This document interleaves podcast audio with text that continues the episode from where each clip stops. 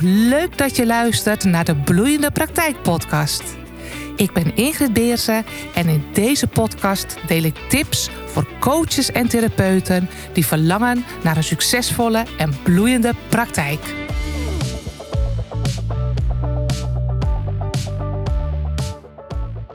Ja, leuk dat je luistert naar deze Bloeiende Praktijk podcast, waarin ik je in deze aflevering meeneem in het land der verwijzers. Oftewel, hoe zorg je dat verwijzers cliënten naar jouw praktijk gaan doorverwijzen? Want eerlijk is eerlijk, het is hartstikke fijn als je doorverwijzingen krijgt. En het liefst nog een beetje op constante basis. Dat kan echt een hele fijne aanvulling zijn voor jouw praktijk. Maar voordat ik er met jou op inga hoe je dat doet, hè, want ik hoor heel veel coaches en therapeuten vaak zeggen: Ik ben wel eens bij die huisarts geweest, of de praktijkondersteuner, of een andere soort verwijzer. Maar het levert me niks op, of nooit meer wat van gehoord. Dat komt meestal doordat de drie dingen niet helemaal goed gaan. Maar eerst eventjes dit. Het is een hele fijne stroom om via verwijzers ook cliënten te krijgen. Maar het is niet het enige waar je je op moet richten. Meestal is het het handigste om, ja, zoals ik dat noem, de sandwich-methode te gebruiken. En dat is aan de ene kant investeren en ook een marketingstrategie te hebben richting die verwijzers. En aan de andere kant ook altijd ten alle tijden je marketingstrategie richten op cliënten, op klanten. Want je kunt nou eenmaal een verwijzer niet dwingen om aan jou door te verwijzen. stel, je hebt dat best wel op gang gebracht en zeker naar de tips uit deze podcast. Maar op een gegeven moment dan komt er nog een andere coach of therapeut waar ze ook denken, nou, dan gaan we eerlijk verdelen de verwijzing of er komt er nog één. En dan, ja, dan wordt de taart gewoon in meer stukjes uh, gesneden. Super eerlijk, maar daar ben jij natuurlijk niet helemaal bij, ge, bij gediend. En dan ga je dat gelijk merken in je omzet. Of het kan ook zijn dat ze gewoon de ene keer ja, daar even actiever in zijn, de andere keer wat minder actief. En als jij denkt van nou, ik heb in die maand een wat lege agenda, dan kan je, natuurlijk kan je ze daar eens bellen, maar je kunt ze niet dwingen. Hup, ik wil eventjes een handjevol meer klanten hebben. Dus het is in die zin wel enigszins beïnvloedbaar, maar niet stuurbaar. En daarom zeg ik altijd: gebruik de sandwichmethode. Uh, pak de kant van de verwijzers, maar pak ook de andere kant, namelijk van de klanten. En uiteindelijk komt dat ook heel vaak mooi samen. Want als een klant bij een verwijzer jouw naam al noemt, bij iemand waarvan ze denken: is dat wat? En die verwijzer die kent jou ook, ja, dan is het natuurlijk eigenlijk kat in het bakkie. En dan zal die verwijzer ook zeggen: Ja, die ken ik ook. Nou, goed dat je er zelf ook mee komt. Dat lijkt me een hele goede keuze. En dat is ook vaak wat verwijzers graag willen. Dat die klant of cliënt zelf al gekeken heeft en zelf al met een keuze komt. Dus dat wil ik toch eventjes vooraf hebben meegegeven aan je. Dat ik niet pleit voor een strategie alleen maar gericht op verwijzers. Maar nogmaals, het is wel fijn om het mee te nemen. En bij de ene praktijk is het wat meer relevant dan bij de andere. je hebt natuurlijk verwijzers uh, waarbij het een vak is om, om te verwijzen. Voor een deel de huisarts, wijkteams, wijkverpleegkundigen, maatschappelijk werkers, ouderenadviseurs, mantelzorgmakelaars. Die hebben een, uh, voor een deel als een rol ook een verwijzende functie. Maar je hebt natuurlijk ook verwijzers, dat zijn een soort informele verwijzers, die niet die rol hebben, maar waar jouw potentiële klanten misschien wel heel vaak vragen aan stellen. Denk bijvoorbeeld een meester of een juf op school. Dat kan natuurlijk een super verwijzer voor jou worden. Het is niet hun rol, maar je kunt ze wel voor jou als verwijzer gaan aanmerken. En daar de strategie die ik nu met je deel, de tips die ik nu met je deel, op gaan toepassen. Maar goed, nu dus even terug naar hoe pak je dat nou aan? Als je denkt van hé, hey, dat zou een interessante verwijzer kunnen zijn. Eh, die partij zou ik best eens willen benaderen of die organisatie. Maar ja, alles geprobeerd, maar er komt niet zoveel op gang. Nou, meestal komt dat doordat er drie dingen niet helemaal goed gaan. Het eerste is een gebrekkige voorbereiding. En dat zie ik best vaak gebeuren. Terwijl dat ook wel weer heel vreemd is. Want ja, zo'n gesprek kan echt leiden met een goede opvolging, kan echt leiden tot best wel uh, flink wat klanten naar jouw praktijk. Dus denk daar ook dan niet te licht over. Ik wil je daar niet zenuwachtig over maken. Hè, want dat zijn we vaak wel met onze voorbereiding. Wat zenuwachtig en met de foldertjes en zo bezig. Ik bedoel eigenlijk een ander soort voorbereiding. Daar ga ik het zo over hebben. Maar je mag daar best wel even wat tijd in steken, omdat het gewoon een belangrijke pilaar binnen je marketing kan zijn. De andere is dat we te veel op ons eigen belang, namelijk wil je alsjeblieft naar mij doorverwijzen, richten en te weinig aandacht hebben voor verbinding en ook bij die verwijzer voor het menselijke aspect. De derde is dat we vaak geen opvolgstrategie hebben. Dus de eerste, gebrekkige voorbereiding. De tweede, te veel richten op je eigen belang. Te weinig verbinding creëren. En de derde, heel belangrijk, geen opvolgstrategie. Nou, drie, drie dingen. Als je dat goed op orde hebt, weet ik zeker dat het een stuk makkelijker gaat. Nou, eerst over die voorbereiding. Dat gaat vaak niet alleen over de organisatie, de praktijk die je gaat benaderen, maar het gaat meer over de persoon in kwestie waar je dat gesprek mee hebt. Het is heel belangrijk dat je een beetje vooraf al gevoel creëert. Wat vindt deze persoon nou belangrijk? Wat is zijn of haar achtergrond? Wat daar ontzettend bij helpt is LinkedIn. Nou, de meeste mensen hebben echt wel een profiel aangemaakt op LinkedIn en zijn er ook nog wel actief op.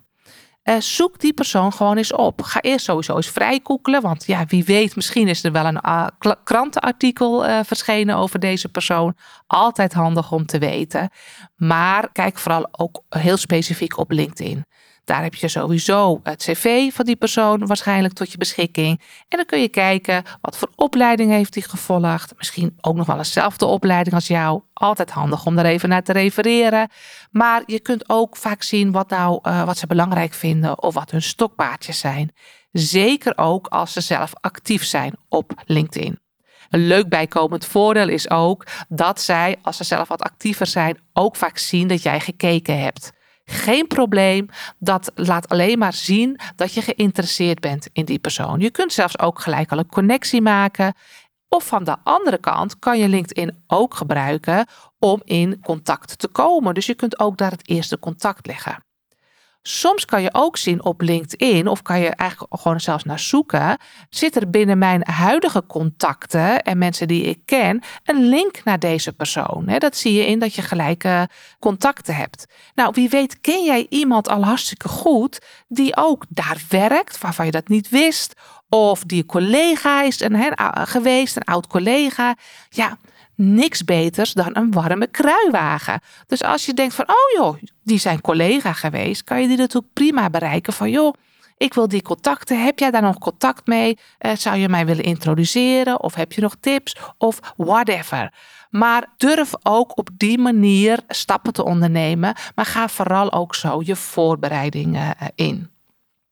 Dat is dus het ene wat betreft uh, tip die ik heb uh, wat betreft die voorbereiding. Dat je eventjes goed inleest in wat die persoon is, maar misschien ook in wat voor type praktijk deze persoon werkt. En ook misschien wat nu gewoon de actuele dingen zijn rondom die praktijk. Alles om straks ook het gesprek op gang te brengen. Want dat brengt me ook gelijk bij tip 2 als je in gesprek komt met deze persoon, begin dan niet gelijk over je eigen belang. Ik hoor zo vaak dat dat vooral de boventoon voert. Van hé, hey, ik heb deze praktijk, ik doe dit, ik heb ook foldertjes mee. Eh, wat zou ik voor jullie kunnen betekenen? Wil je me doorverwijzen?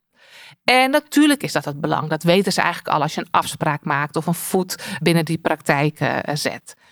Maar aan de andere kant zit ook gewoon een persoon met een caseload, met zijn eigen problematieken wat betreft hoe om te gaan met cliënten, de drukte in de praktijk. En ga er dan eens eigenlijk op een andere manier naar kijken en schouder aan schouder met deze persoon staan. Vraag hoe het gaat, hoe het met de caseload is, wat de belangrijkste type cliënten of problemen zijn in de, in de praktijk. En zo kan je vaak een mooi haakje vinden hoe jij die persoon kan helpen om die caseload te verlagen hoe jij de patiënten en cliënten van die persoon kunt helpen om tot een beter resultaat of tot meer hulp eh, te komen. Op die manier uh, laat je ook je interesse tonen in het werk wat die persoon doet. En dat is minstens zo belangrijk. Er is zelfs onderzoek geweest dat, hè, verwijzen zijn natuurlijk onafhankelijk, maar dat juist die persoonlijke touch zorgt dat de gunfactor verhoogd wordt. Want bovenal blijven we ook mensen. En het is natuurlijk hartstikke fijn als jij de praktijk uitloopt en ze denken, dat was eens een fijne persoon. En dat ze daar gewoon een goed beeld van hebben. En dan gaat het niet alleen om je kennis en kunde, maar ook gewoon om dat warme aspect. Nou, de derde is, wat ik al zei, dit gaat heel vaak fout, is die opvolgstrategie. En dat heeft ermee te maken dat ook al hebben ze een supergoed beeld van je, je hebt je voorbereid, het was een fijn gesprek. Als jij naar buiten loopt, dan gaan zij ook weer over op de waan van de dag. En drie dagen later zijn ze alweer vergeten, nou niet helemaal wie je was, maar zijn ze gewoon vergeten dat je er bent. Ben je misschien ergens in een achter, eh, in een uh, brein uh, beland. En als zij dan een cliënt hebben die eigenlijk misschien heel interessant voor jou zijn, moet dat luikje wel weer open gaan. Je moet dus top of mind blijven, zoals het in marketingtermen heet. En daar moet je dus ook over nadenken in je voorbereiding. Hoe ga ik dit opvolgen? Nou, een opvolgstrategie heeft er alles mee te maken dat je ook een aantal vragen hebt gesteld in dat gesprek. bijvoorbeeld, wat vinden zij belangrijk om te weten? Um, misschien uh, willen ze contra-indicaties weten of jij een wachtlijst hebt of nou ja, willen ze een aantal dingetjes weten. Wat ook heel belangrijk is om te weten, is dit een persoon die alleen werkt of heeft hij ook nog collega's? Nou, ik heb veel in zorgorganisaties gewerkt, waar ik juist op die afdelingen zat die heel veel met verwijzers te maken eh, had. En wat ons voornamelijk opviel, dat praktijken die naar ons konden doorverwijzen, of organisaties, die hadden bijvoorbeeld tien consulenten die konden doorverwijzen, maar wij hadden altijd maar contact met twee. Dus zij hadden nog acht collega's. Dus wij hadden een strategie bedacht hoe zij die twee personen konden doorgeven, informatie makkelijk konden doorgeven aan die andere acht collega's. Want dat is natuurlijk ook super belangrijk, want uiteindelijk liepen er tien mensen rond die aan ons konden doorverwijzen. Dus zorg in ieder geval dat je te weten komt hoe dat zit. En hoe bedenk hoe jij die persoon die jij gesproken hebt, want dat is er dan maar één, het makkelijker kunt maken om informatie over jou te verspreiden. Nou, dat is dan ook gelijk je opvolgstrategie. Dus als die persoon het heeft aangegeven, pas dan stuur jij maatwerk een PDF op met informatie die zij weer heel makkelijk kunnen delen met hun collega's. Echt een super waardevolle tip, want daarmee hebben ze zelf ook weer even een samenvatting. Heb jij ook gelijk puntjes in mee kunnen nemen die zij belangrijk vonden. En hebben zij een document in handen die ze elk moment kunnen printen of via de mail kunnen doorversturen naar hun collega's. Zo'n opvolgstrategie is belangrijk. Maar niet alleen dat, hè, want je hebt wel weer een mooi contactmoment na drie dagen, bijvoorbeeld als je al wat aan het wegzakken bent in dat brein. Maar zorg ook dat je een strategie hebt voor bijvoorbeeld eh, om de twee maanden in contact blijven met, eh, met die persoon. Ik heb wel eens een klant gehad, en dit is even een extreem voorbeeld, maar gewoon om je gedachten aan te zetten als je bang bent. Ja, ik wil niet te veel mailen of ik wil niet te veel bellen. Wat een belangrijke verwijzer voor haar was, was de transferafdeling in een, uh, in een ziekenhuis. Die konden mensen die uit het ziekenhuis kwamen, daar kon zij bepaalde type uh, patiënten hele goede zorg aan, uh, aan verlenen. Zij belde gewoon elke vrijdag op. En dan kan je denken, zo, dat is irritant. Maar eigenlijk op dat punt, en ze was een van de enigen, dat wist ze, hielp zij die transferafdeling. Want die waren op vrijdag uh, continu bezig, of dat was een piekmoment. Volgens mij zijn ze continu bezig met te zorgen dat mensen, hè, dat heet niet Friks transferafdeling, uit het ziekenhuis ergens anders een uh, plekje krijgen als dat nodig is. Maar zij wist gewoon, op vrijdag is er wel een piek zo vlak voor het uh, weekend. Dus daar maakte zij altijd een belmoment van. En mensen hadden dan ook al, wisten dat gewoon op een gegeven moment op die transferafdeling. Die vonden het zelfs prettig dat ze belden. En hadden hun lijstje bewijs van spreken al klaar. Nou, eventjes om, en jij hebt misschien niet echt in de praktijk wat, wat aansluit op een transferafdeling. Maar het gaat mij even om het voorbeeld dat zij gewoon de stoute schoenen aantrok. En zij zei gewoon, ik kan hun gewoon helpen. Ik kan hun helpen van hun problemen af, want de transferafdeling heeft de caseload waar ze dus echt af moeten, om het zomaar, ik denk wel oneerbiedig, maar om het zomaar te zeggen. En zij zegt, en ik kan hun daarmee helpen. Ja, is het dan vervelend dat ik elke week bel? Nee, ze zegt ik moest wel over een beetje schroom heen. Maar ik heb het gewoon gedaan totdat ik misschien zou horen, nou doe maar niet. Maar ze zegt dat hoorde ik niet. En nu merk ik gewoon dat ze erop anticiperen. Nou eventjes om even de andere kant van het spectrum te laten zien. Jij bent er om hen te helpen in een volgende stap van hun klantenpopulatie. Wees niet te bang om echt een strategie te bedenken hoe je dit kunt opvolgen. Op die manier goede voorbereiding, het gesprek ook echt te voeren vanuit een gezamenlijk belang en een opvolgstrategie. Ik weet zeker dat dat voor jou dan ook gaat lukken om meer verwijzers aan jou te binden en te zorgen dat dit een hele fijne stroom cliënten naar jouw praktijk kunt brengen. Als je tenminste ook die andere kant nog blijft benaderen, namelijk die cliënten zelf, ja, dan uh, versterkt het elkaar gewoon enorm. Ik hoop in ieder geval dat dit je weer aan het denken hebt gezet, maar vooral weer in de actiestand zet om opnieuw naar de verwijzersmarkt te kijken en wat dat voor jou zou kunnen betekenen. Ik wens je er heel veel succes mee.